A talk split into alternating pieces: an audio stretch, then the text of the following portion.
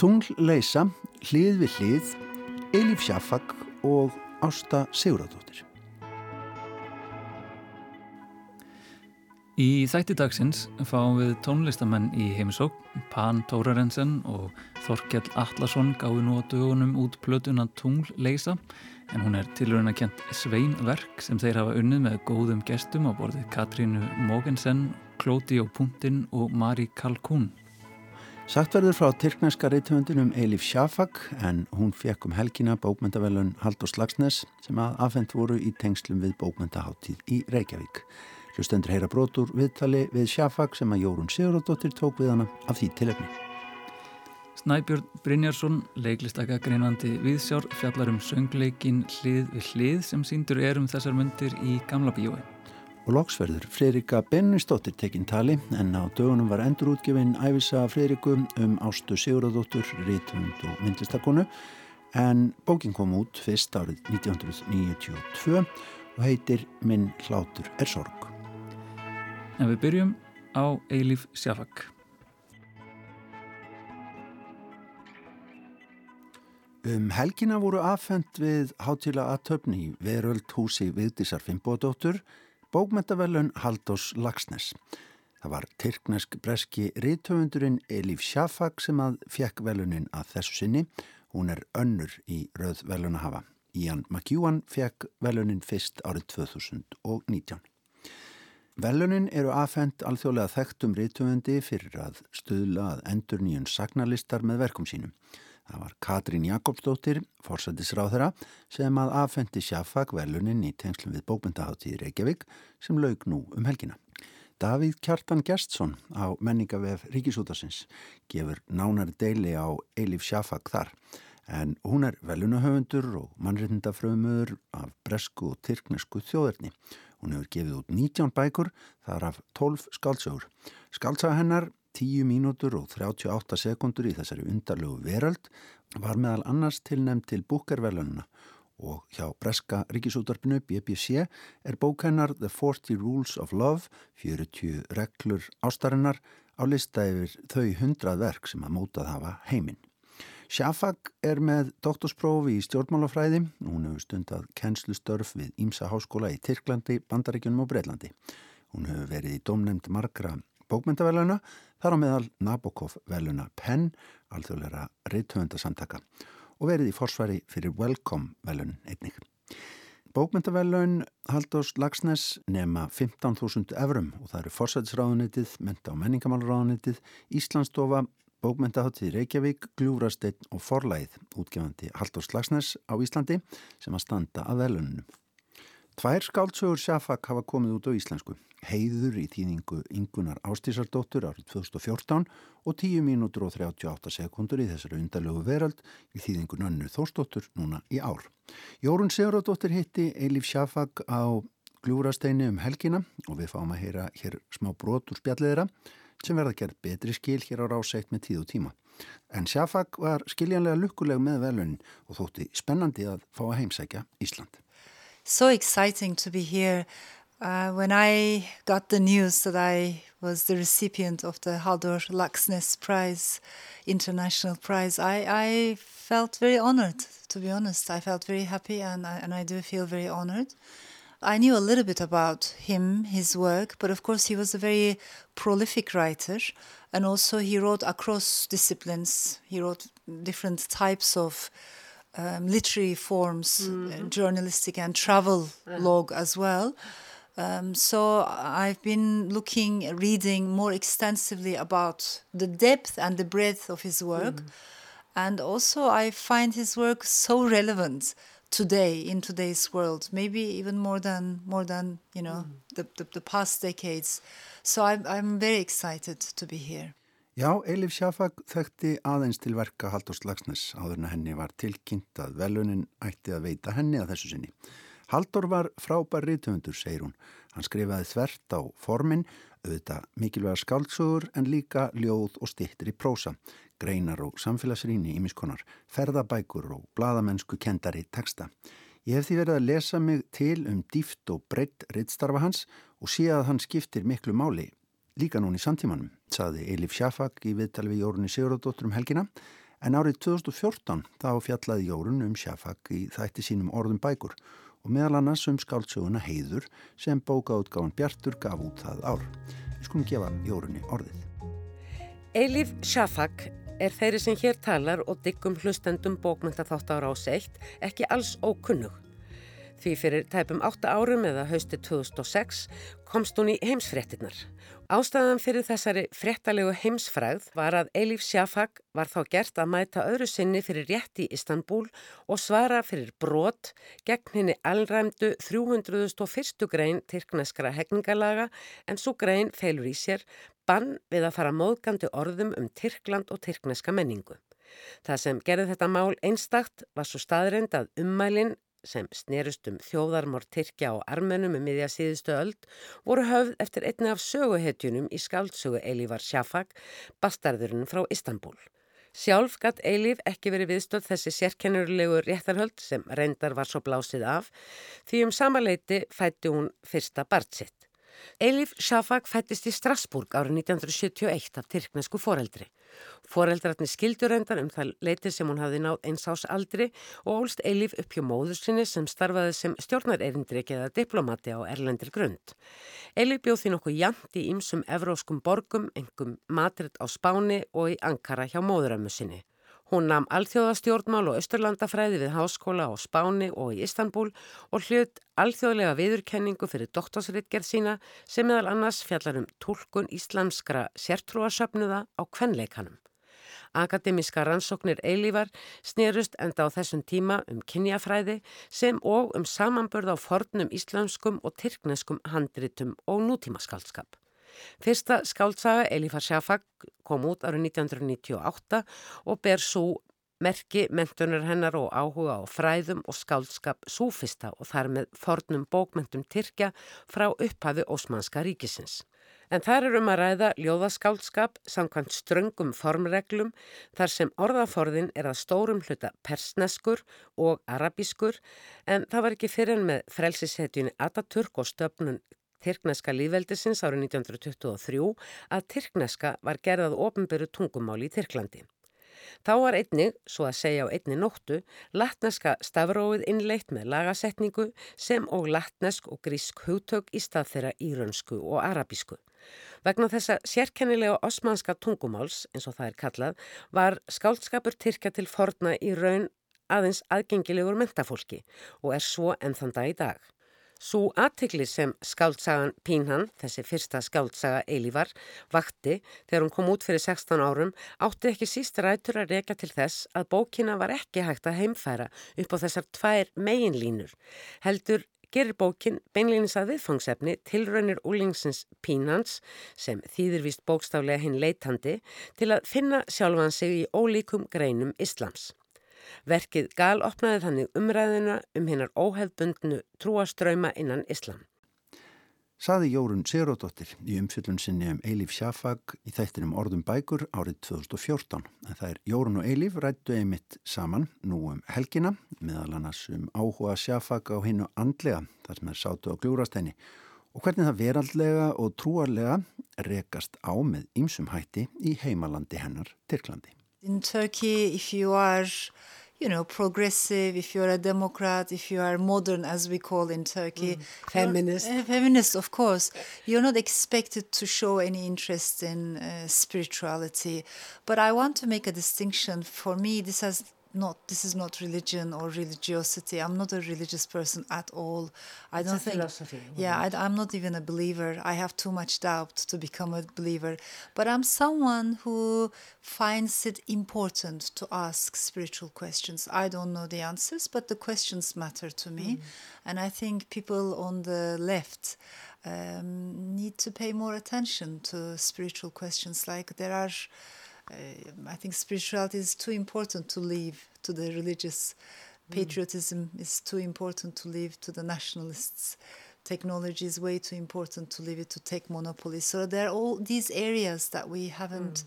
maybe developed a language yet, but it's it, they're important. I love doubt. You know, I love. I think faith without doubt is a dogma, and dogmas are very dangerous. So mm. what I like is the dance of faith and doubt. Mm. Can they challenge each other? That's that's an interesting question mm. for me.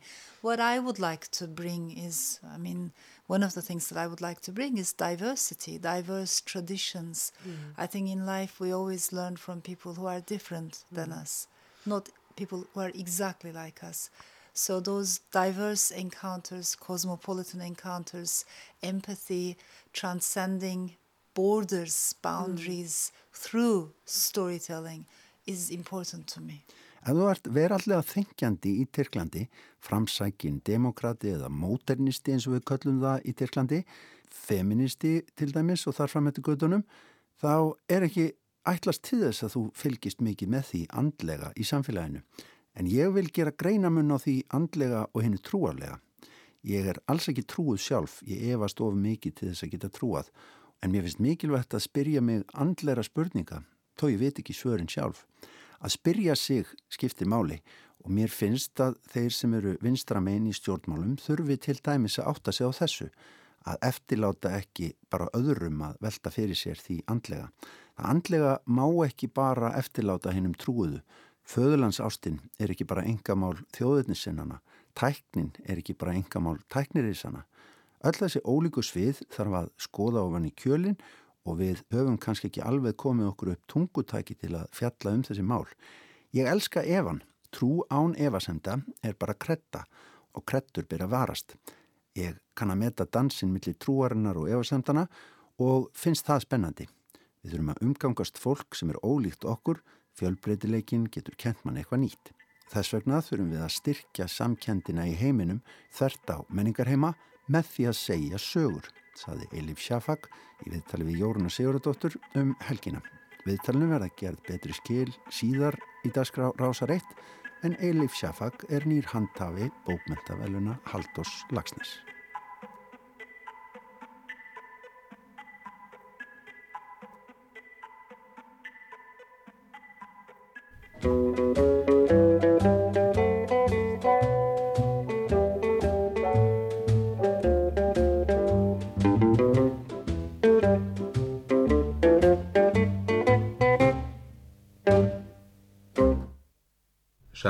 Af mínum manni Agnar Þórðarsson skrifaði síðasta kabla Ásta Sigurðardóttir les kablan í kvöld Hann stóð á stjettinni fyrir utan himnakjallaran og fann að hann var alveg óbáslega timbraður og þó var þetta nýji fíni kjallaran í síðumúla. Hann fann engan mun á því hérna. Það var jú fínt uppi rétt eins og í skuldabankanum nýja en þangaði hafði hann einu sinni komið með stýrimænunum. Hann myndi að væri nýtjándi bankin, kannski var það bara svo átjándi. Þar var svo fínt að fyrst síndist að það ekki neitt. En það var ekki ekki neitt. Það var miklu minn en það. Það var vist voða dýrt. En þó það væri svona fínt uppi voru vistur að veru gesta alveg eins og einaðra. Nefna hvað hér var plastkoppur til að pissa og æla í og drekka úr en í neðra var það blikkkoppur og hann var að því leitinu skári að það var hægt að handfara náns að hella niður. Mikið var sá munur. Það eru kannski ekki margir íslenskir listamenn sem hafa náði að verða einhvers konar, já það sem er kallað á erlendum tungum kultfígúrur eða fenomenn í íslenskri menningu en ríðtöfundurinn og listakonan Ásta Sigurðardóttir fætt árið 1930 dái 1971 hún náði á sinni tíð að verða einhvers konar slík fígúra og minningin um Ástu lifir. Fyrir næri 30 árum árið 1992 kom út æfisaga Ástu Sigurðardóttur sem heitir Minn hlátur er sorg og hana rýtaði á sínum tíma Fridrika Benonísdóttir og nú árið 2021 er þessi bók að koma út, endurútgefin hjá bókaútgáfinni Sölkum. Fridrika Benonísdóttir, hún er stödd í Skotlandi og er á línunni. Já, þú hlýtu nú í fyrstu bara að vera lukkuleg með endurútkomuna, eða ekki? Jú, algjörlega. Ég hef fengið mjög mikið af fyrirspörnum sérstaklega síðan það var byrjað að tala um að það ætti að vera leikendum hana í þórikursinu hvað var hægt að ná í bókinu hún er búin að vera ófána í mörg ár þannig að við, ég og Svarku konur ákvaðum að drífa bara í því að kominni aftur út á meðal lesinlega Ef ég spyrði Friðrika, það eru þetta 30 ár líðin síðan og þú hérna e, sendi frá þér þessa bók og þú eiginlega Jésús að þig að, að fara að svara fyrir hann 30 árum síðar en sko ef við bara hugsaum um það, hvað var það sem heitlaði þig við ástu sem viðfang í þessum skrifum á sínum tíma? Sko, ég er að fyrir kynsluð sem að dyrkaði ástu. Hún var fyrirmynd allra ungra kvenna sem að vildu verða eitthvað í menningagerunum á þeim árum. Ég, uh, ég vissi svo sem ekkert mjög mikið um hana en eins fyllilega væmið og klent og það hljómar þá byrjaði þetta alls að vera með því að mér dreymd hana.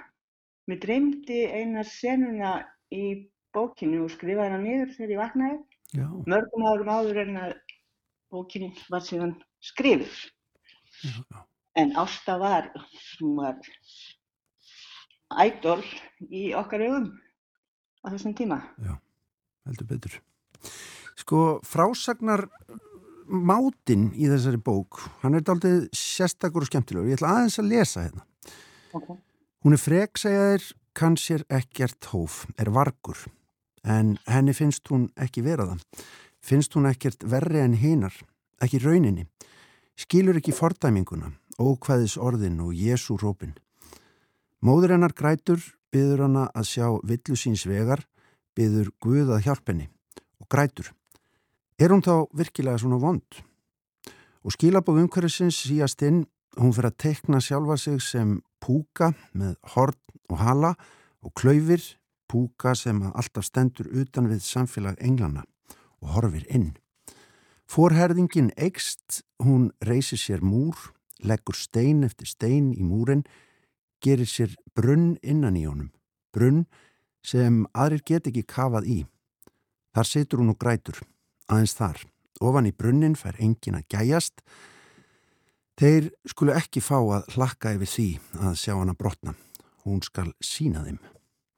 Þetta er nú bara svona stutt tilveitnun innan úr meðri bók, Freirika, mm -hmm. en gefur manni kannski smá tilfinningu fyrir frásögninni sem þú valdir þér á sín tíma. Segð okkur aðeins frá hvernig þú hugsaðir röddina í bókinni. Sko ég hef eh, oft orðið mjög pyrruð eftir að hafa lesið æfisögur einhvers bók sem ég var forvitin um og fengið að vita allt um það hvaða lærði, hvaða gerði, hvert að fór, hvernig það hýtti en hef enga hugmyndum hvers konar manneskur það var. Mér langaði til þess að þessi bók urði um manneskjuna ástu. Þó ég hafi auðvitað einhver fórstundur til þess að endur skapa hennar rödd þar sem hitt hann aldrei og þekkt hann ekki. Það langaði mig samt til þess að hennar rödd heyrðist. Ég hef verið skömmuð mikið fyrir það að varti svo mikið. Þetta sé ekki nákvæm upptalning á öllu sem hún tók sér fyrir hendur í lífinu. Varstu skömmuð á sínum tíma þegar hún kom út? Alls konar. Bræði fólk var ekki hrifið af því að ég skildi vera búa til konu sem ég þekkti ekki neitt. Æmi. en það var alltaf hugsunin skilur eins og ég held ég segi í inganginum þetta átti að vera mynd af henni ekki annátt um lífslaupennar Mitt Sko Ásta kemur í bæinn og bara byrjar eiginlega náttúrulega strax eins og þú lýsir í bókinni að vekja aðtegli ekki síst bara fyrir já, framgöngu sína. Hún stuðar borgarna í Reykjavík.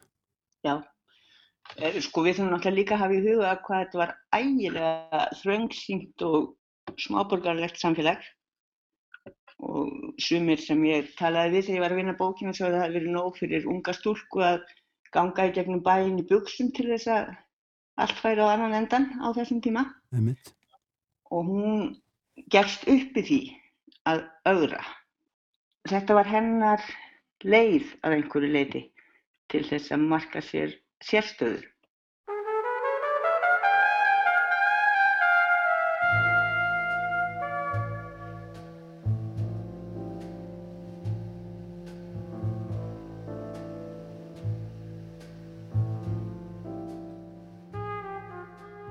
Sunnudagskvöld til mánudagsmorguns. Ef einhver hefði tekið eftir hvernig þær horðu á mig rétt áður en ég fór, hvernig þær lítu hver á aðra Þegar þær gengu fram hjá mér hefði hann álíktað þarna er svo seka, skækjan. Hvernig áttu þær að geta skilið mig?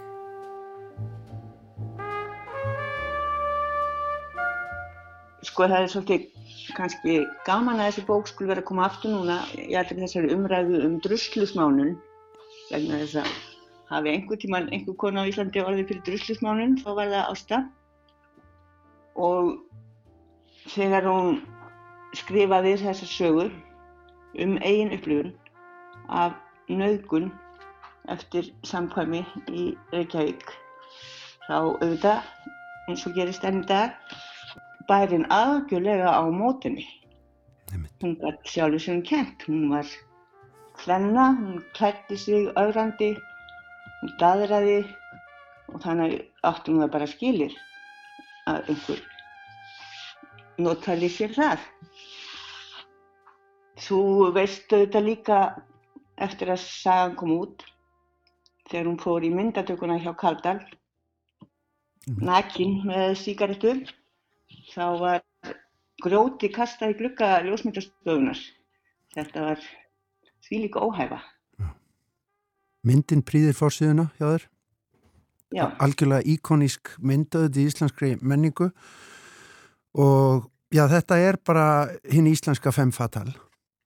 Já, en eins og þú veist, ef þú varst að lesa bókina, mm -hmm. þá var það í raunin ekki. Nei, mitt. En í augum, í augum borgarana. Augum borgarana, já. já.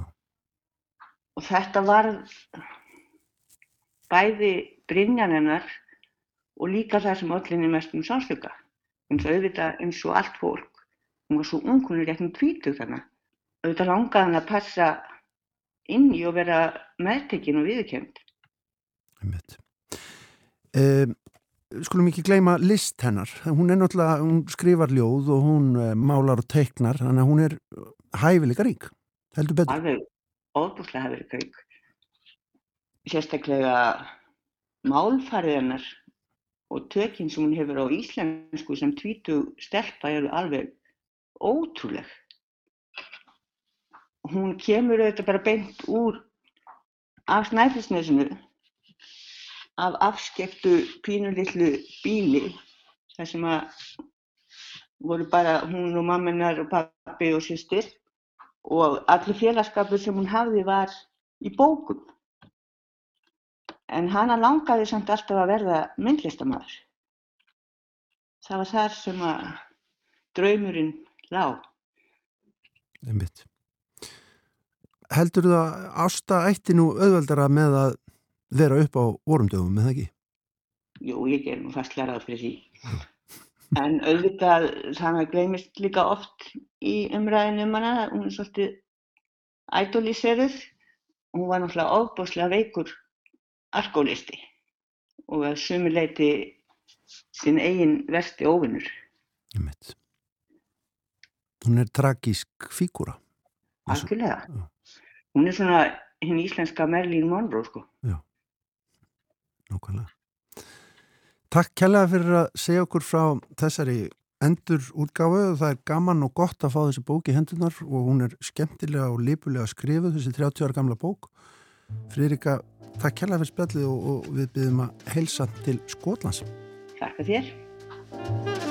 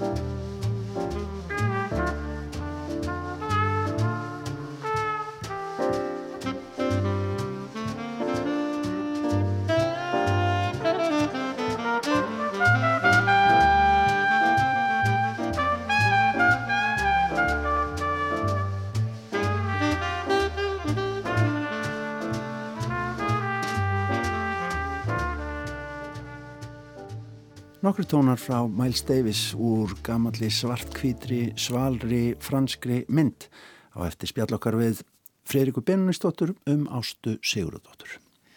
En við ætlum að færa okkur yfir í leikhúsin. Snæbjörn Brynjarsson, leiklistagagreinandi Víðsjár, fór á söngleik. Sýningin hlið við hlið var frumsynd í Gamla bjó um daginn. Verkið er samansett úr mörgum af vinsælustu lögum söngvarans Fridrik Stórs og er hjartnæmur, kannski eilitið væminn, en frekar farsakjandur en dramatískur söngleikur.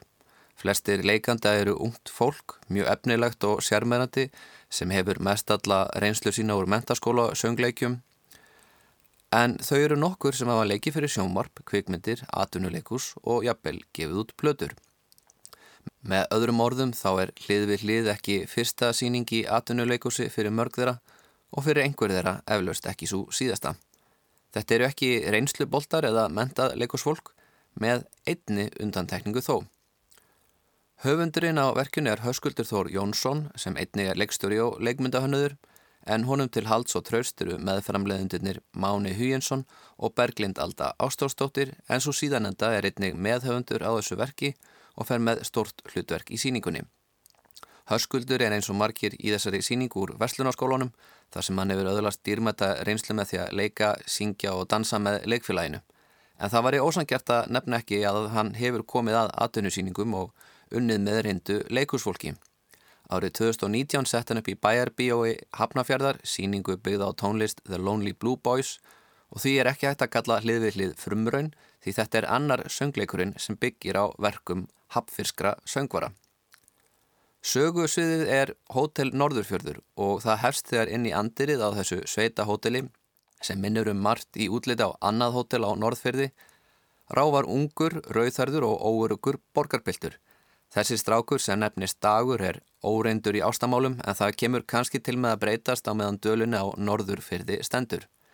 Maður hefði kannski haldið að í ljósi þessa Fridrik Dór vinsælasti söngvari sem Setbergs hverfið hefur alið af sér, að bróður hans ólaustuðum hefði gert það verkum að söngleikurinn myndi eiga sér stað inn á Hótel Hafnafyrði, en hauskuldur hefur greinlega viljað einangrun sveitarinnar fyrir ekkar en nokkra hafnafjörðabrandara. Sýningin er að vísu stútfull af miskóðu gríni sem byggir aðalega á sérfiskulegri hegðun hótelstarfsfólksins. Það er vestubæjungurinn Kristinn Óli Haraldsson, betur þekktu sem Króli sem fem með hlutverk hins feimna dags, En meðal fyrstu karakterna sem að mætir er stúlkan í móttökunni, Halla, leikina Berglindöldu og kójufélagans Kvati, vinalegur en lúðalegur náungi, sem er tólkaður af Inga Þór Þóraldsinni. Ingi Þór hefur leikrinslu sína úr mentaskóla leikúsunum en hann er bísna efnilegur grínleikari. Sama má segja um Berglindöldu þó svo leikur þeirra og annara í síningunni sé á köplum of yktur og til lengtar gatur í þreytandi hversu mikið húmórin kerði á vandræðalega en það er augljóst að bæði hafa þau mikla leikhæfileika. Fleiri efnilegi leikarar í síningunni sækja reynslu sín úr mentaskóla leikfélugum og badna hlutverkum í kvikmyndum eða atunuleikosi. Agla Bríett Bárudóttir fenn með hlutverk Sísíjar sem mætir sent til leiks. Helgi Valur Gunnarsson og Katla Njálsdóttir eru leðarjakka klættu uppreysnasækirnir Grjóni og Eva. Kolbeinn Sveinsson fenn með hlutverk slánalega Koksins Rikka og loks er það hótelstjórin Grímur sem sker sig út af því leitinu til að hann er reynsluboltinn og aldursforsettin á sviðinu. Jón Savar Jósefsson sem fer með hlutverk hótelstjórans er mentaður óperusöngvari og bísnafær dansari og sínir í síningunni að hann er ágættur farsarleikari sem kann að dansa, syngja, láta sér falla og gretta sig ef þess gerist þörf. En því miður gefur hlið við hlið honum fá tækifæri til að láta til sín taka í söngnum. En það eru nokkur kóratriðin þar sem hann nýtur sín En der Jón ekki bara óperusöngari, heldur kórstjóri og mörgum íslendingum kunnur sem slíkur, ekki síst sem stjórnandi kröftuasta Karlakors miðborgarinnar, Bartónum. Svo hvernig tókst til með að gera söngleik upp úr lögum Fridrik Dórs? Ég verða að játa að þegar ég heyrði fyrst að gera eftir söngleik með lögum hans hugsaði með mér að hann hlita að vera að semja fyrir verkið sérstaklega. Fridrik hefur átt farsælan feril en ekki íkja langan sem lagahöfundur og úrvalið af lögum með honum jafnast ekki á við tónlistamenn á borðið Elli eða Bubba Mortens sem bjóð upp á meiri fjölbreytileika, einfallega vegna þess að ferilleira spannar lengra tímabil. Það er því hætt við ákveðinni einhefni. Áhörundinni sem voru í salnum letu það þó ekki á sig fá, þarna var mikið af börnum, úlingum og ungu fólki sem þekkja þessi lögu vel og heyrðust skríkja og æpa þegar þeirra uppáhald stef byrjaði og eftir hvert söngatriði var klappað yfirleitt vel og lengi. Enda ekkert út á flutningin að setja. Kóratriðin voru skemmtileg og príðileg uppbrót og flytjandur í einsöng eða duett stóðu sig yfirleitt vel. Þó svo stundum væru skiptir úr samtali yfir í söng örlítið klunaleg. Það er líka snúið að skrifa handrit með texta sem býður upp á að renna árenslulegst úr fyndinni senu eða dramatísku atriði yfir í þekkt sönglag. Söguþráðurinn í svona síningu er ekki aðalatriðin, heldur aðala rammi utanum söngatriðin og það er engin ástæði í sjálfu sér til að reykjan. Flestir á hótelinu eru ástfangnir af einhverjum og á þess að ég vilji spilla fyrir þá rætist yfirleitt úr þessu. Hótelstjórin heldur sig utan romantíkurinnar en það væri það full mikið me too, unga fólki para sér saman og þarna eru ástir og átök en þó aðalega ástir. Það hendar vel fyrir lög Fridrik Dórs sem snúast flestum að þrá einhvern eða að sakna einhvers eins og poplög gera yðurlega. Handritið er ekki meistaraverk eða tilraun til að skrifa slíkt en síningin er skemmtileg og nær vel til síns markkóps. Sumar senur hefðu grætt að því að hafa stærri dansatriði og sumir brandarar eigi ekki alveg rétt á sér en þetta er ágetur hópur. Sérilagi standa Ingiþór, Berglind og Kolbetn upp úr En það sérst vel að Jón Sávar er reynslumesti flytjandin þrátt fyrir að hann sé aðalega í stöðningshlutverki. Það má hygglust mæla með þessu fyrir aðdáðandur Fridrik Dórs á öllum aldri og fyrir þau sem vilja sjá hefðbundin farsakentan söngleik sem tekur sig ekki of hátilega. Þau eru alveg með þetta, ef svo má segja. Saði Snæbjörn Brynjarsson um söngleikin hlið við hlið. En við ætlum að huga að tónlist fyrir múr leikursinu yfir í nýja útgáfu.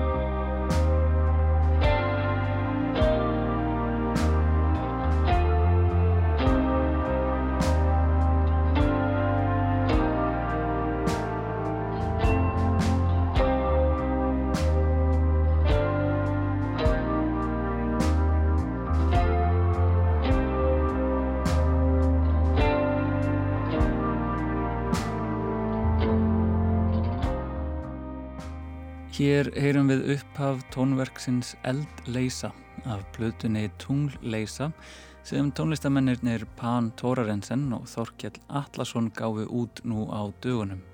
En þeir hafa áður leitt saman hesta sína í raftríóinu Stereo Hypnosis á samt föður Pans, Óskari Tórarensen. Tónlistin á plötunni Tungleysu er tilraunakend sveim tónlist sem flakkar frá taktföstum stemmingum til flæðandi opina tónrýma. Einvalalið tónlistamanna kíkir í heimsókn á þessari plötu. Það eru söngkonurnar Mari Kalkún og Katrína Mogensen Koti og Puntin leikur á klarinett og rafljóð, Tim Sarhan á trommur, Sebastian Stutnitski á trompet, Júlia Mogensen á cello og Borgar Magnásson á kontrabassa. Það er Albert Fimboðarsson sem tekur upp, Arnold Kassar sem tónjafnar og útgefandi er Reykjavík Record Shop. Hönnun umslags var í höndum Gretu Þorkelsdóttur. Og í morgun gerðu tungleysu menn sér leið upp í efstaleiti og sögðu mér frá plötunni.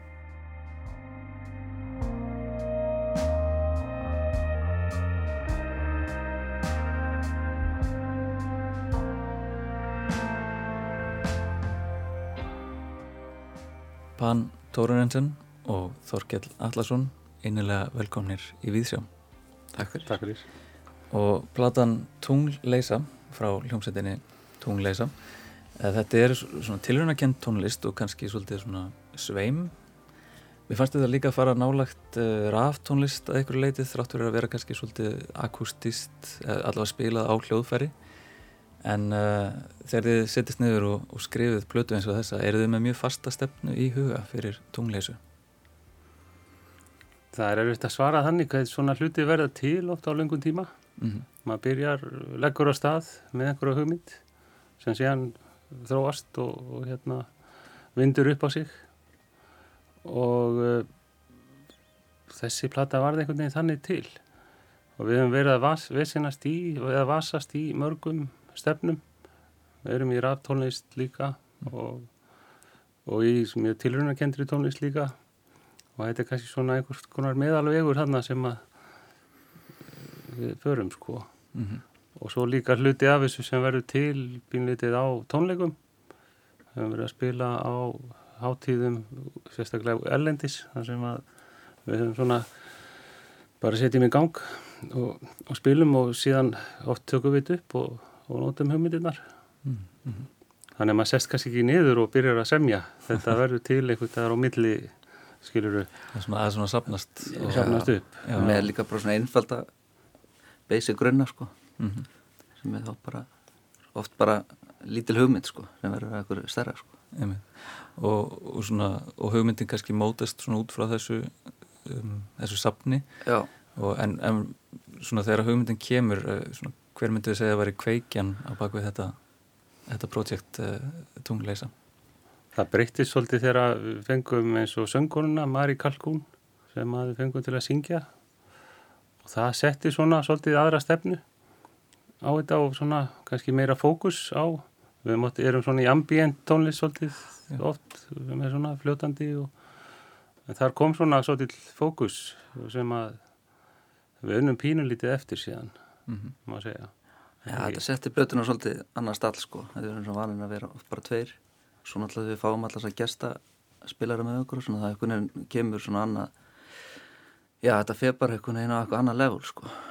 Og hún er meitt í tók eftir, uh, hún er eistnesk og uh, syngur það nátungumáli sem ég mm. skildi lítið í en fannst já. mér fallegt. Er þetta eistneska sem hún er að syngja? Þetta er eistneska, já. Hún er rosalega flott, hún Mari Kalkún, sko, við kynntumst henni á, á hérna, Tala Music Week já. fyrir nokkrum árum. Og hérna byrjuðum bara svona að hafa samband og hún var að fíla sem við vorum að gera líka og, og hérna já, eins og segir, hún er syngur eisnesku, alltaf rosalega fallið tungumál, svona svolítið svona álva stemning ykkur svona, svona mystík en hún er flott tónlistakona hún var alveg núna tónlistakona ásins í Íslandi. Mm. í, núna bara fyrir 2020 okay. en hún er að gera flotta hlut úti og, og hérna með góð sambund þannig að það verður eitthvað svona spilun á blötunni vist í Íslandi held ég. Síðan að fara okkur að dreifungu þar. Og ég tók eftir að fyrsta lagi á plötunni Sortu fenn er sungið af Marju Kalkún og eins og þú segir það er svona, svona svolítið mystísk stemming og, og kannski svolítið álvarleg og ég var svolítið svona uppnumina og vildi svolítið vita hvað hann var að syngja. Mætti ég spyrja upp hvað, hvað er að baki textanum Við hefum ekki hugmynd. Jó við vitum svona cirka sko, við veitum að vitu það en, en, en svona þetta er svona hvað ens, ennska því ekki Blackwater eitthvað svo leiðis þetta er svona, svona náttúru þetta er svona náttúru fyrirbriði sko, sem er svolítið já. eins og hérna í Íslandi vorum að tala um þetta daginn. Það er þessi þetta er svo mikið þessi, þetta skeið svo mikið allt í ykkur svona skóum eða ekki? Svona, skóum, skói, það er ykkur á svona, þetta er svolítið svona svona eftir að sögur sko, inn, í, mm. inn í skólendinu í Íslandi sko. Og þetta er ykkur svona tindur strákur veist, í skóunum hérna úti sem sem er svona veit ekki hvort það sé draugur eða lifandi sko, er svona hérna segjumöndum svona alltaf verið að reyna að finna hann sko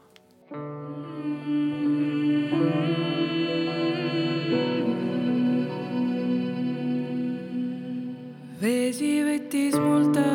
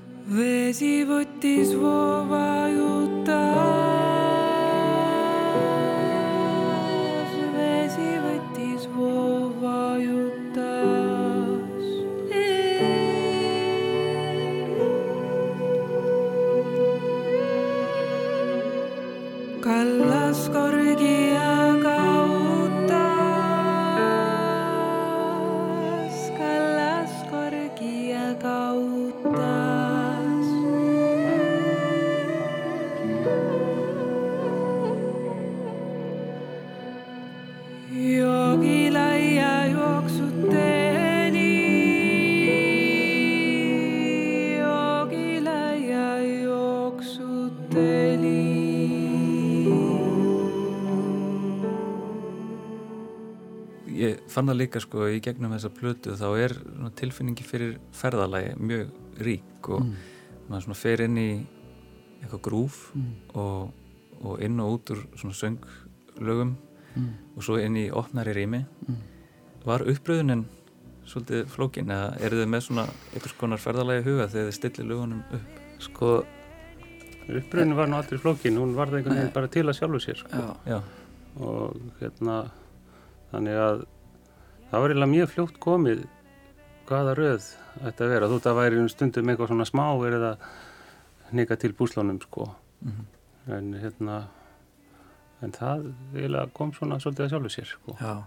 stundum lendir maður í vandræði með þetta akkurat að raða upp hérna. en þannig að vissu leiti er þetta ákveðið eins og sér kannski ferðalag eða ákveðið svona og það eru svona tengsla á milli samt lagana sko eins og fyrsta og síðasta. Það er svona það er svona sömu element oft eða minni kannski þetta sé það sé að vera að nota sömu minni. Mm, mm, einmitt. Hvenar byrjuðu þið, þið tveir að, að búa til tónlist saman? Hvað er 2012 eða við tveir allavega saman það er ekki? Já. 2011-12 Já. Þannig að það er ekki, ekki lengar síðan sko Og hvernig finnið hvern annan hann árið 2012?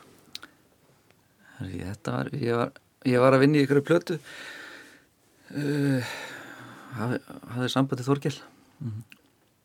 Þetta er náttúrulega svona smá tengsl millir sko pappa og Þorgjells líka sko gegnum ratónlistina þannig að ég, við vissum akkur öðrum náttúrulega sko já, já. Veist, en, en svo náttúrulega bara fekk ég Þorgjell að koma með, með mér í upptökur og verkefni sem ég var að vinni og þannig byrjaði samstarfi mm -hmm. 2012 Og, og small þetta?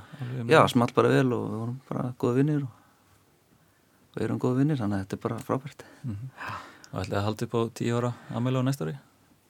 Ég veit um ekki Ég veit ekki Það er náttúrulega verið að plana ýmislegt sko, þetta er svona aðalega uh, veist, náttúrulega mikið að tónleika pælingum framöndan Já, já næsta ár Ég var að hugsa til um, eins og þessari plötu uh, að það er kannski smá uh, kunst að, að flytja hana lifandi þetta að því það verist vera svona, svolítið svona raf já.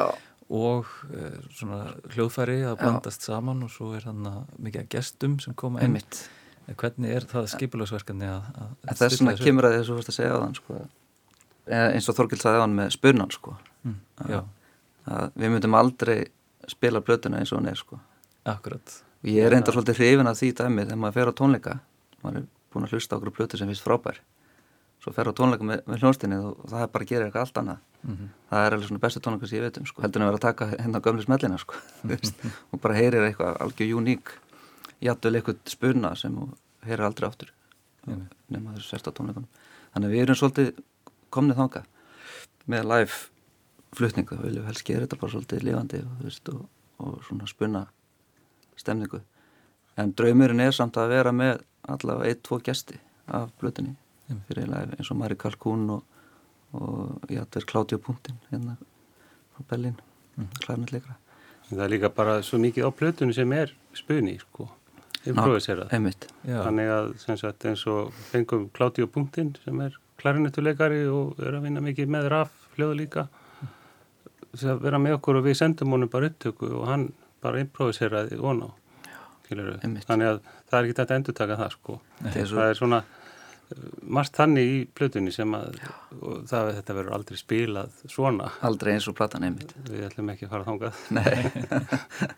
en það eins og Pann segir þá er gaman að hafa þetta ólíkt. Plata eða sem sagt upptaka er eitt -hmm. tónleikar eru annað sko. Og maður er ekki endilega einn endur taka það sem maður tekur upp það verður svona líka til svona samræða og þess kannski stækki verkið fyrir þá Já. hlustendur og, og er, eru þið mikið að svona, svona lengjast verkin þegar þið flytið Já, náttúrulega góða við tónleikana eins og er að þá erum við að semja leiðinni sko. Mm -hmm. við erum að búa til plötu á sama tíma. Við, veist, á tónleikum við, við, við tökum alltaf allt upp. Já. og og ég ættur komið eitthvað hugmyndir sem við getum nýtt okkur fyrir nýverkefni Ég skil. Þetta er svolítið svona eins og var að gera hérna, það var ekki bara hérna krátararnir í Berlín svolítið hérna svona klaster og harmónia og, þeir allir unnu svolítið svona, veist ég, live Jú, jú, bara live studio upptökum, Já. sko, mm -hmm. session það var bara allt tekið upp og, og hérna, Já. svona spunna stemning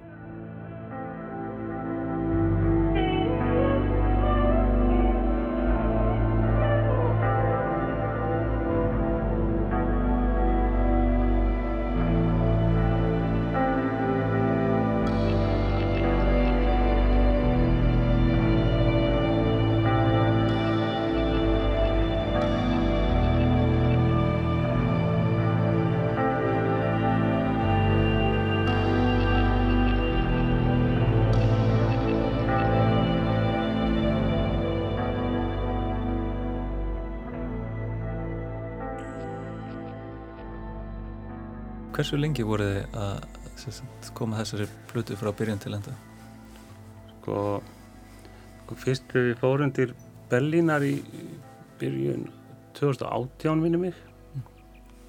Eða svona februar mars. Að í fyrstu upptökur þá vorum við með fyrsta bunkan af uh, lögum sko sem fórum reyndar ekki öll á, á blötuna en hérna þannig við höfum byrjað kannski svona 2017 veist, svona fyrstu hérna hugmyndir.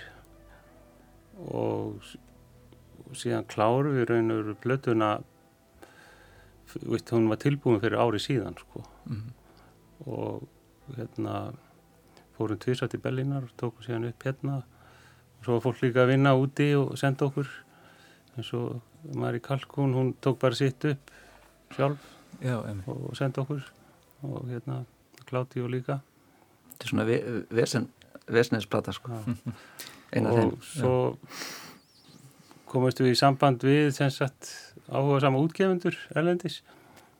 Og það fór í svolítið svona mikið samtal sko sem að eiginlega síðan táð okkur svolítið mikið og það endaði Já. bara með því að við hættum við það. Ah, Stórsleipil, Breitlandis alltaf ekki út. Og svo kemur COVID og þá náttúrulega fer allt í steg Þannig að Þeir eiginlega svona líka voru áttu þannig út á COVID og þessu öllu sko Já, En við erum búin að ná að gera fullt af hlutum í millitíðinu sko. Það eru marga þar að blöttur og tilbúinu okay. Þetta er búin að taka svo langa tíma. En uh, til hamingi með blötuna, Tungleysu Já, takk fyrir það. Takk fyrir. Stór glæsileg, verði að segja. Takk fyrir. Uh, Pann Tóruðansson og Þorkell Allarsson Takk hérlega fyrir að koma í viðsjó og gangi ykkur vel. Takk fyrir þetta. Takk fyrir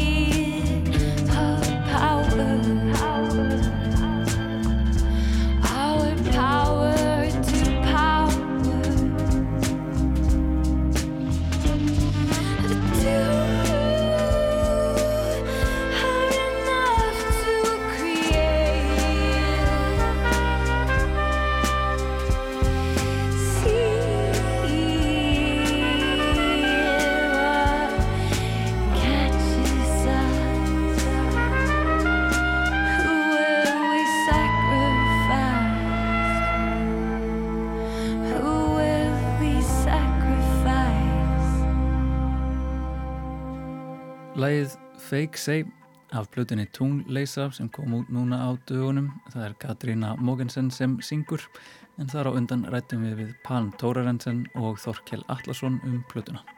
Og svona ágættu hlustendur ætlum við að slá botnin í Víðsjá dagsins. Við verðum hér aftur á morgun á dagskrár ásar eitt löst eftir klukkan fjögur. Takk fyrir að vera með okkur. Verið sæl.